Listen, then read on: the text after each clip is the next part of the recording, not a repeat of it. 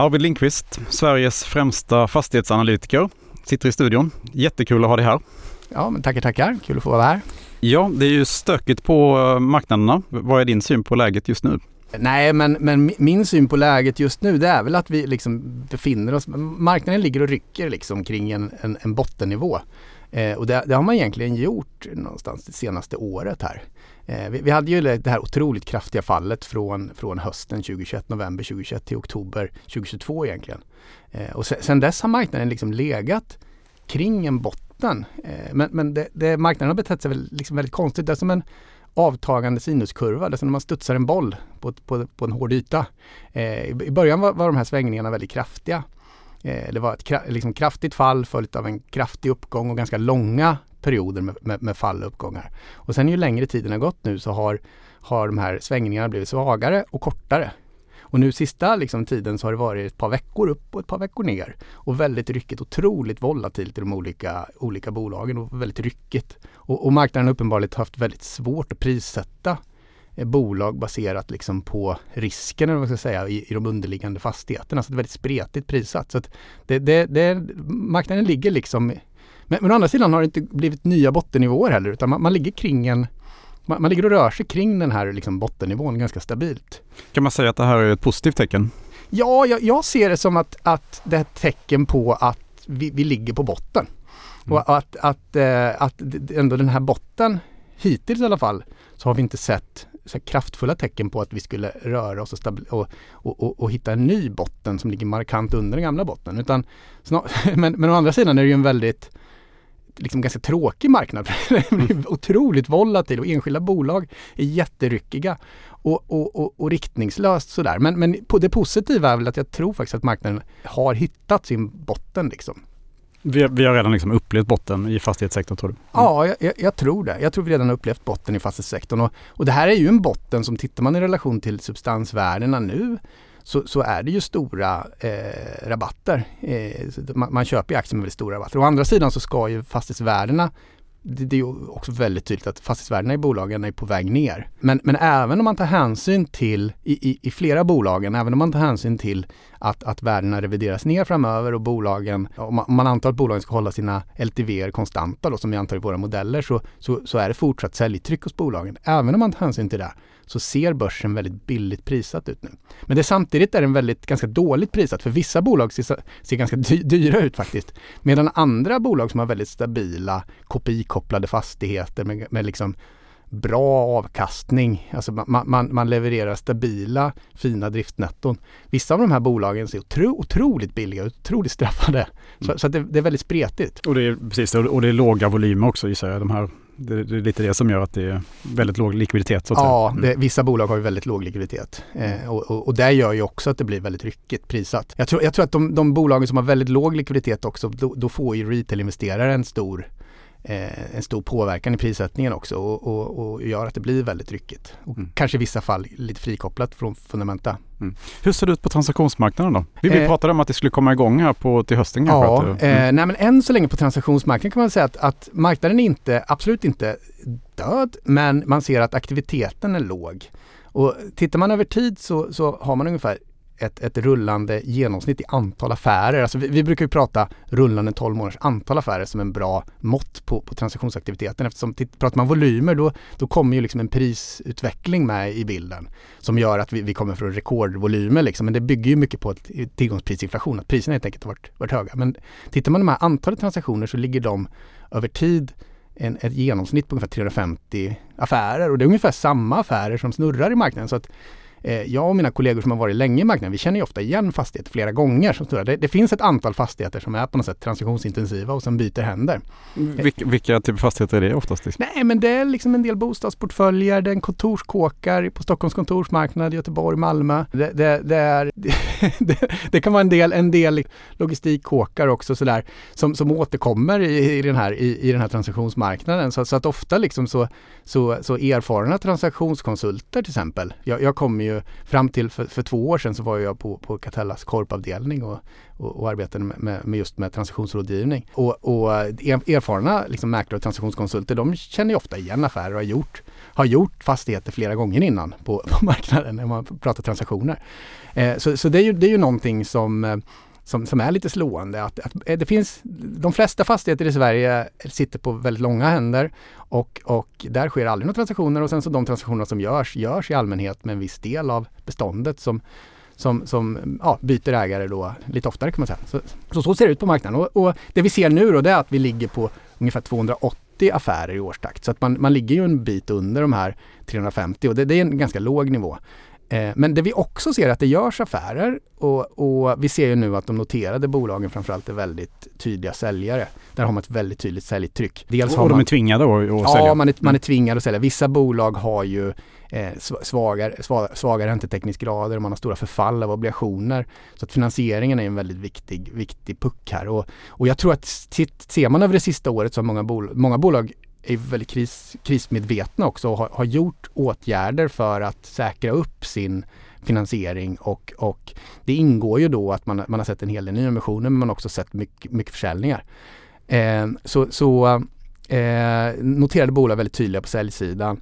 Eh, och det vi ser nu framförallt är ju att, att, att fonder, fastighetsfonder har klivit fram och där, där ser man ju ett antal aktiva, aktiva fonder men även eh, har vi privata aktörer som tydliga köpare. Och sen institutionerna är alltid väldigt procykliska. De institutionella investerarna, de, de har också minskat sina investeringar väldigt mycket och det, det, det brukar, de brukar köpa när det är dyrt. Liksom. Sen köper man mindre när, när, när, när det är billigt. De är som de klassiska småspararna liksom. Ja, och det tycker, kan man ju tycka är konstigt eftersom det här är ju långa pengar och man investerar på 30-40 års tidshorisont och sådär. Men där, där har man ju en, en allokerings faktor i, i, i många av de här, framförallt de här livbolagen, där, där, där där fastigheter nu eh, har en väldigt stor del i portföljen och man, man är ganska allokerad mot fastigheter. Så, så det hämmar ju liksom investeringsmöjligheter. Men, men de är, ligger faktiskt också bland de största investerarna, även om de har minskat sin investeringsvolym. Så, så att man kan säga att det är, det, det, det är privata aktörer, fonder och institutioner som är de tre stora investerarna. Och man kan säga att, att noterade bolag eh, är tydliga nettosäljare. Och sen så har vi liksom wildcardet internationella investerare och, och, och, internationella fonder. Men där har vi, ser vi ett stort intresse men inte så mycket aktivitet. Och det trots att vi har en väldigt trots billig... kronan alltså? Ja, trots väldigt billig valuta. Så här. Men, men man cirkulerar men, men, men man ska säga, volymmässigt så har man legat på mellan ungefär 15 och 30 miljarder kronor i investering i, i årstakt. Eh, ganska stabilt eh, sedan finanskrisen egentligen och man har liksom inte tagit sig över det där. Nu ligger man snarare i den lägre delen av det där intervallet.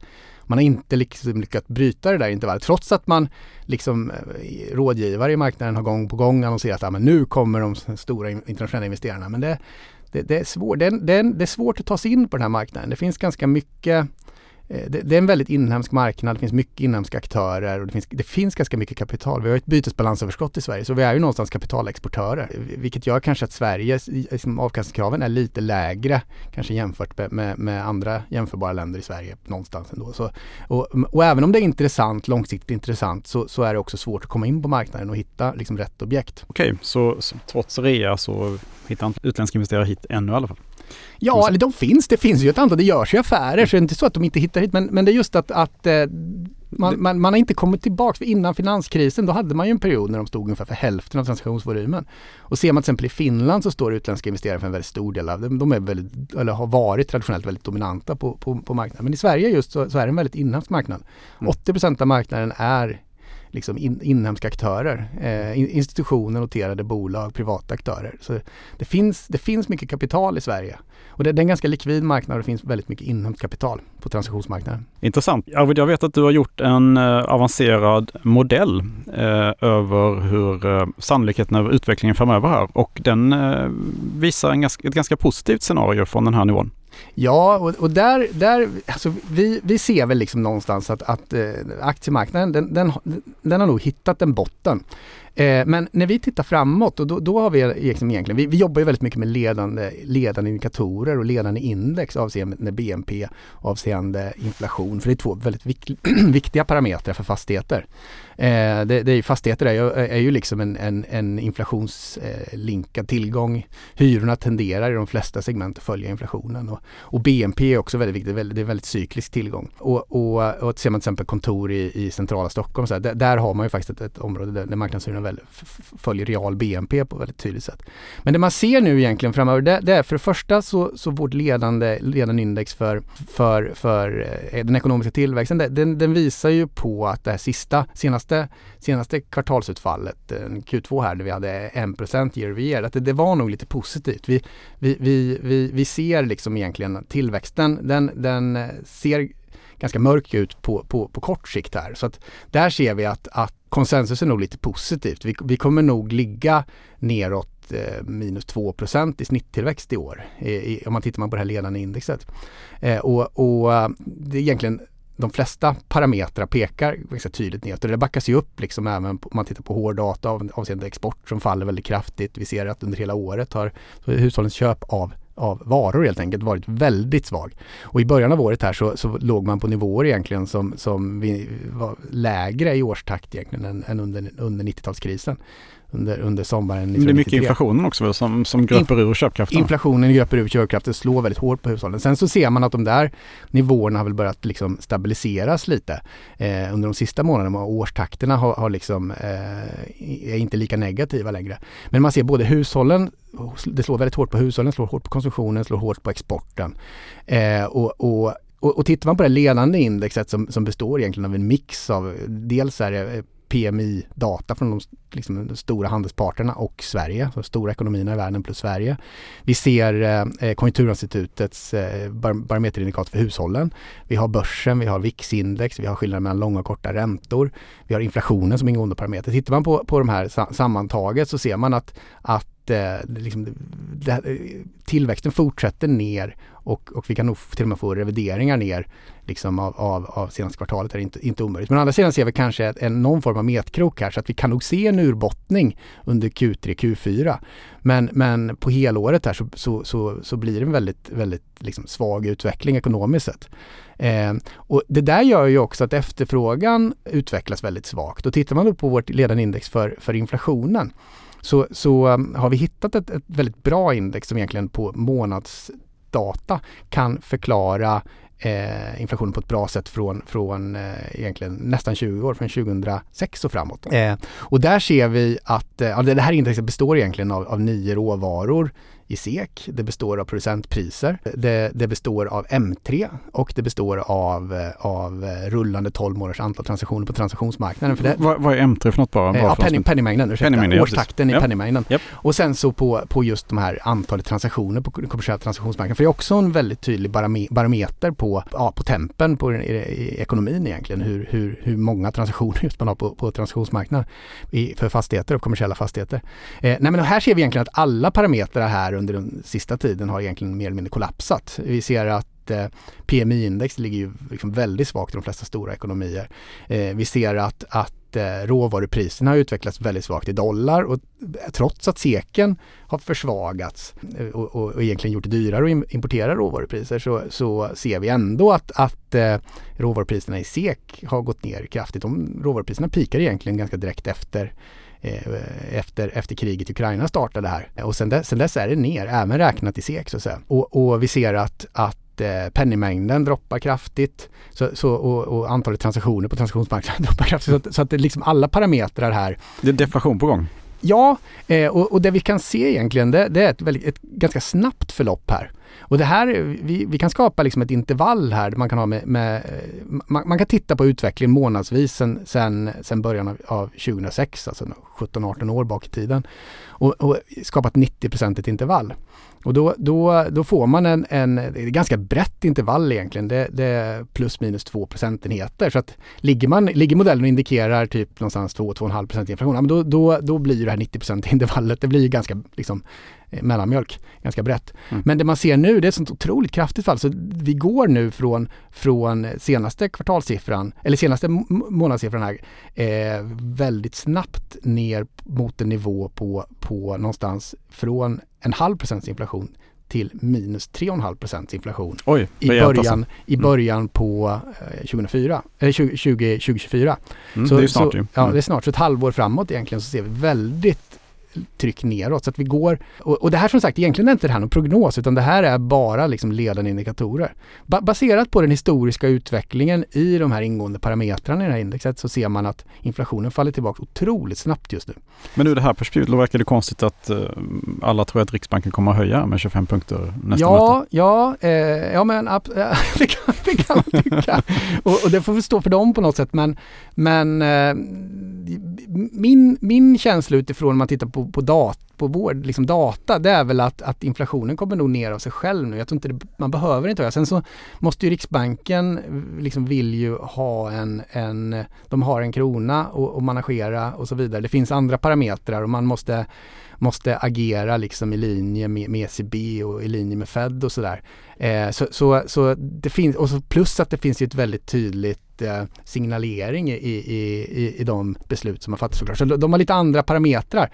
Men, men jag tror i alla fall med väldigt stor sannolikhet så, så har vi eh, en inflation som ganska på kort sikt löser sig själv i och med att, att eh, luften går ur svensk konjunktur ganska brutalt just nu och mm. efterfrågan mm. mer eller mindre kollapsar tillsammans med att råvarupriserna globalt sett har gått ner eh, kraftigt under de sista 12 till 18 månaderna.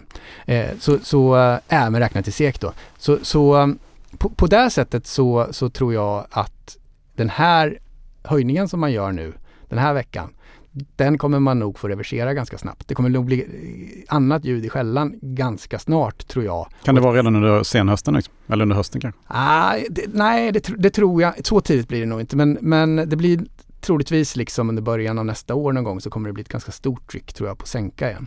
Mm. Eh, och, och, och, det fina i, i kråksången är alltså att på det här ledande indexet till, till inflationen, det kan man stoppa in i en modell som, som lirar väldigt bra med eh, fastighetsbörsen och OMX Stockholm Real Estate. Och då, då är bara det här liksom ledande indexet som jag har för, för inflationen eh, som, som förklarar inflationen väldigt bra över de, eh, över de, eh, de, de sista 20 åren. Här pratar vi alltså om en förklaringsgrad på det här indexet sju månader framåt på 75 procent. Eh, månadsdata från början av eh, ja, nästan 17-18 år tillbaks då. 19, eh, mitten av 00-talet. Det, det, här indexet kan man då stoppa in i en modell som förklarar som blir 11 månader framåtblickande för, för OMX Stockholm Real Estate, alltså en framåtblickande modell för fastighetsbörsen kan man säga. Eh, och, och den, blir inte, den blir lite svagare. Här, här jobbar vi med ett 75-procentigt intervall någonstans i, i den här modellen. Så att det, det, det, det är fler parametrar. Det, det här är väldigt, liksom en väldigt förenklad modell. Men egentligen vad, vad den gör det är ju att, att inflationen är ju väldigt viktig just för korträntan och korträntan blir väldigt viktig för eh, fastighetsbörsen. När räntan går ner går börsen upp och så vidare. Eh, men, men eh, därav också eftersom det finns andra parametrar här så, så den här väldigt enkla modellen ha, får man jobba med 75-procentigt intervall. Eh, intervall. Eh, men, men, även här ser vi ju liksom på kort sikt så ser vi egentligen att den här, just nu befinner vi oss i en, en period när vi avviker från det här indexet och egentligen pekar det här ledande index för, för börsutveckling pekar egentligen neråt nu. Eh, så, att, så att baserat på den historiska liksom, eh, inflationsutvecklingen vi har haft så, så, så, så, har vi egentligen ett tryck på kort sikt neråt på, på fastighetsbörsen. Eh, men det känns ändå, om man tittar på teknisk utveckling på, på börsen, som att vi ändå har stabiliserat kring en bottennivå.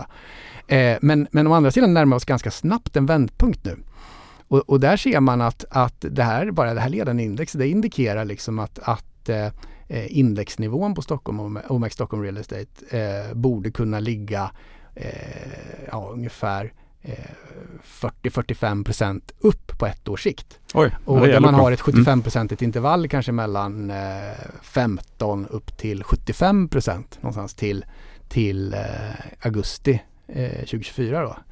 Mm. så, så det pekar ganska kraftigt uppåt. Och dessutom så kan man titta på men timing på det här. Då. Jo, men tittar man på, på, på modellen då, då kan man lägga det här, jobba med det här 75-procentiga säkerhetsintervallet igen. Och då kan man säga, ja men baserat på, på hur modellen har betett sig historiskt så borde vi nå, alltså modellen indikerar dagens indexnivå någon gång mellan januari och juli. Så då är botten senast? Eh, Eller då börjar uppgången? Ja, och det här är som sagt ingen prognos heller utan då kan man säga baserat på hur, mm. hur samvariationen mellan de här ingående variablerna som är råvaror, nio råvaror och producentpriser och så vidare. Baserat på hur de har samvarierat med börsutvecklingen så, så i, i, i historiskt sett så, så så har man ett, det här intervallet täcker in 75% av utfallen historiskt sett. Eh, så, så vad man kan säga liksom att ja, det finns 12,5% sannolikhet att, att, att vändpunkten kommer tidigare och det finns 12,5% sannolikhet att, eftersom det är en normalfördelning, 12,5% sannolikhet att e, enligt den här modellen då, att det kommer senare. Så det är inte hundraprocentigt. Eh, men det är rätt sannolikt. Mm. och, och, det, och, det, är ju ungefär här som de flesta bedömare tror att uh, de första räntesänkningarna kommer också någon gång ja. i kanske januari, februari. Liksom. Och, så, så att min, min bild är väl liksom att ja, det, det, vi, vi, vi har, det känns som att vi har nått botten. Mm. Eh, men, men den här botten kanske är liksom lite historiskt ovanlig baserat på den inflationsmiljö vi haft. Då, då kanske man egentligen, det kanske borde droppat lite till.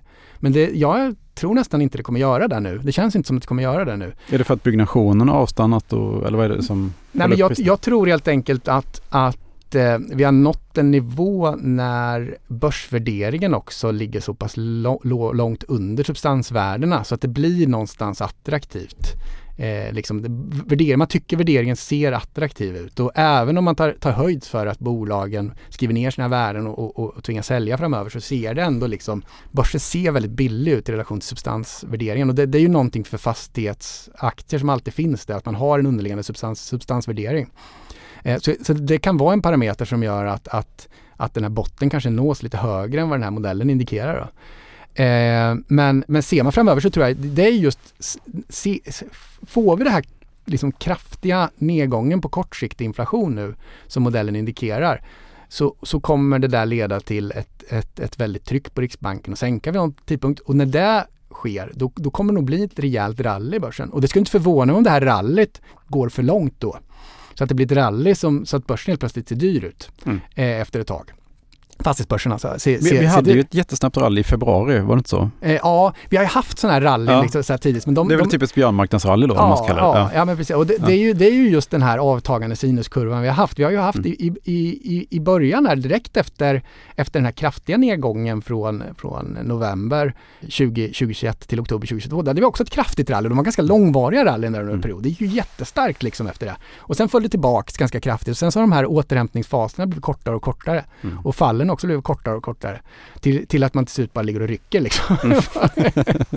så att, så att äh, ja, men det var, det var ett en, en, konstig och på många sätt ganska trist marknad på, på, på, på det sättet. Men jag tror att, att det finns potential för att det blir en rejäl rörelse i marknaden just ifall, ifall det här inflations ledande inflationsindex då faller ut på kort sikt. Men jag tänker, du pratar ju om, du pratar mycket om, om Sverige, du pratar bara om Sverige här i princip, men allt det här är väl egentligen en global jättestor eh, rörelse och det handlar väl om att kanske Federal Reserve då har nått räntetoppen nu också? Absolut, alltså någonstans, Sverige, verkar, Sverige är en liten öppen ekonomi som verkar i liksom en global, global marknad, så det är klart liksom att att eh, det, här, det här följer ju på liksom vad, vad, hur, hur Fed agerar och hur ECB agerar. Sen tror jag Europa och USA skiljer sig lite också. Och jag tror att Sverige skiljer sig lite från övriga Europa. För det första så tror jag att Europa skiljer sig mot USA på det sättet att USA har en underliggande mycket starkare tillväxt och de har underliggande mycket mer finanspolitisk stimulans. Eh, de, dels har de de här eh, Inflation Reduction Acts, de har eh, fortfarande en otroligt eh, eh stor stödpaket till hushållen som finns kvar i, en, eh, i ett, liksom ett, ett översparande hos hushållen som man inte fullt ut använt än. Och sen så har man den här väldigt flexibla lönerörelsen som gör att, eh, ja, de, de, det är ju det är ju väldigt dynamisk eh, löne, ett lönesystem i USA som gör att, att man har en löneökningstakt där som gör att hushållen tappar inte lika mycket i, i köpkraft som, som, eh, som, som man gör i Sverige. Och, och, även i Europa så har man ju mycket rörligare löner egentligen. Sverige har ju den där effekten. Det, det ser man väldigt tydligt när man jobbar med inflationsmodeller, alltså stoppar in lönerna. Lönerna försämrar bara en inflationsmodell. I Sverige finns liksom inte lönerna eh, är ingen bra förklarande variabel över tid till inflationen. Det, det, det kanske de kan vara om man går tillbaks till, till 60-talet, ja. slutet 60 början 70-talet. Men, men baserat på liksom sista 20 års data i alla fall, när man ska konstruera ett index så det finns, finns liksom, det bara försämrar eh, förklaringsgraden om du stoppar in löner. Och, och det, det, utmärker ju Sverige lite grann tror jag. Eh, som gör att vår tillväxt blir mycket känsligare för, för hög inflation, för det urholkar köpkraften väldigt snabbt. Så USA, och i USA har man ju sett faktiskt att inflationen börjar ticka uppåt de sista månaderna. Och, och, och man har underliggande eh, kraftigare tillväxt. Man ser också att, att man har väldigt hög statsskuld. Och nu när räntan kommer upp så, betal, så leder ju faktiskt liksom de här räntebetalningarna till att man stimulerar ännu mer. Att det går ut pengar från Eh, staten till de som sitter på de här obligationerna, vilket delvis är förmögna privatpersoner. Så att det, det, det blir ju liksom eh, en, en, en, ju mer man höjer räntan, ju mer betalas det faktiskt ut i ekonomin. Ju mer, ju mer pengar går i, i någon form av finanspolitisk stimulans ut i ekonomin. Så att det där blir en, en lite svår ekvation också på det sättet att, att du stimulerar ju mer du höjer räntan. I, i, I Europa så har vi ju mycket svagare tillväxt till, till att börja med, så vi har inte samma liksom inflationsproblematik. Och, och i Sverige har vi ju dels en, liksom en, en, en, svagare tillväxt. Vi har inte eh, de här, den här flexibla rör, rör, lönerna som gör att hushållen eh, kan... Man, man, blir inte kompenserad? Man blir inte kompenserad, som, som, vilket gör att, att inflationen urholkar eh, reallönerna väldigt snabbt. Och vi har en väldigt låg statsskuld som gör att det, liksom, det, det, blir ingen effekt heller av högre räntor, att staten faktiskt betalar ut mer eh, ränta då till de som sitter på obligationerna. Så, så, att, så att Sverige slår ju ganska hårt och det är väl därför också just den här svenska inflationsmodellen visar på en så otroligt snabb, snabbt avtagande inflation eh, kommande halvåret här. Eh, sen så ska man ju tilläggas då att vi vi, vi har ju pratat tidigare om lite, på lite längre sikt och det här stagflationsscenariot är fortfarande vårt och mitt huvudscenario på lite längre sikt. Jag tror att inflationen tar fart igen sen. När ekonomin, ekonomin väl repar sig, då tror jag inflationen tar fart igen. Och sen så tror jag att vi kommer ha en period på 5-10 år när man kommer, när centralbankerna och Riksbanken är tvungna att acceptera 3-4 inflation. Och det drivs liksom av, av, av globala faktorer, demografi, åldrande... Brist på arbetskraft. Ja, åldrande befolkning som leder till en brist på arbetskraft, eh, mer konsumtion av framförallt av tjänster då när man blir äldre. Globalisering är en jätteviktig parameter, liksom man måste plocka tillbaks produktion och det blir dyrare att frakta när man har en, en mindre säker omvärld. Man, man ser liksom statsutgifter eh, framöver där både Sverige och övriga världen kommer behöva lägga jättemycket mer på försvar, mycket mer på rättsväsende. Energi. Eh, mycket mer på energi för att, för, för att klara de här klimatåtagandena som man har nu. Så att det finns ett antal olika parametrar som har mer med, på, på lång sikt eh, som, som pekar på att, att vi har ett, ett högt kostnadstryck framöver. Och plus att vi har många av de här, flera av de här faktorerna som demografin och, och även de här energiomställningsparametrarna. Det är ju egentligen någonting som urholkar produktiviteten. För det här är stora investeringar som egentligen inte förbättrar produktiviteten. Det, det, det, det är ju mycket bättre att bränna fossila billiga bränslen i ett befintligt system. Eh, då kan man ju producera mycket mer. Nu, nu måste man ju ersätta det där utan att det på det sättet förbättrar produktiviteten. Mm, eh, så att, så att det finns ju Eh, de här parametrarna pekar för en svagare produktivitet, högre kostnadstryck, alltså en period av stagflation. Och, och, vad säger det om fastighets... Eh, vad innebär det för fastighetssektorn? Nej men jag tror typ så här, på, på, kort sikt tittar man bara in och säger att ah, men då står vi nog inför ett rally eh, på, på, på börsen nu som drivs av att ekonomin kollapsar i princip, vilket vårt ledande index för BNP pekar på. Och att konsensus och affärsbankernas prognoser för året, de har ju skruvat ner dem ganska mycket. Eh, och vi har ju varit eh, negativa och sett det här de tidigare gångerna vi har pratat här på podden också. Men nu har ju affärsbankerna skruvat ner sina prognoser. Men jag tror de skru behöver skruva ner dem Eh, de, de, de flesta stora bankerna ligger väl på typ eh, års eh, BNP-utveckling snitt för, för 2023 på minus 1 procent. Jag tror att de behöver dra ner dem där till minus 1,5-2 procent. Eh, och, och, i värsta fall så kan det bli även mer negativt än så. Eh, så så, så eh, det där är ju den faktor som trycker ner inflationen såklart, att ekonomin kollapsar. Eh, men, men, och, och, och, det där leder i sin tur till att, till, till att, att Riksbanken sänker och, och, och, börsen rusar. Och den här, när börsen rusar så kommer det också vara signalen tror jag på transaktionsmarknaden. För där ser vi ändå att det finns eh, jag håller även fast tidigare vid, jag, jag trodde nog att transaktionsmarknaden skulle kunna liksom vända uppåt lite tidigare just baserat på att det är sånt otroligt säljtryck hos de noterade bolagen. Och, och, men vi ser ju affärer men, men fortfarande är aktiviteten väldigt avvaktande. Men jag tror att många köpare också är väldigt avvaktande just nu på transaktionsmarknaden för att just liksom samma effekt lite grann som vi har på börsen att man ligger och avvaktar och, och funderar på vad det är botten egentligen. Och jag tror att när man ser en vändpunkt på börsen då kommer det signalera en vändpunkt på transaktionsmarknaden också. Så då kommer vi se fler transaktioner. Mm. Jag tror ändå inte att direktavkastningskraven kommer komma ner igen till de nivåerna vi hade liksom tidigare. Utan jag tror ändå, även om aktiviteten går upp så kommer vi se högre direktavkastningskrav. Det man ser nu är att vi har i de flesta fastighetssegment så har vi transaktioner och det finns marknadskomps. Alltså på, I fastighetsmarknaden pratar man mycket om komps, alltså eh, att man kan, eh, värdering eh, baserat på ortprismetoden handlar ju om att man ska eh, hitta liknande transaktioner egentligen som, som kan spegla ett värde då på, på en fastighet. Eh, men grejen är att vi har mycket komps nu i de flesta segment. Det är några segment som, som det inte finns så mycket affärer som är gjorda än och som liksom Prime-kontor har inte gjort så det jättemycket affärer i till exempel. Och, och kontor i Göteborg, Malmö har inte gjort så mycket affärer. Men, men tittar man på hyresbostäder så har det gjorts en hel del affärer. Tittar man på industri och logistik har det gjorts en hel del affärer. Eh, volymhandel, dagligvaruhandel har gjorts en hel del affärer.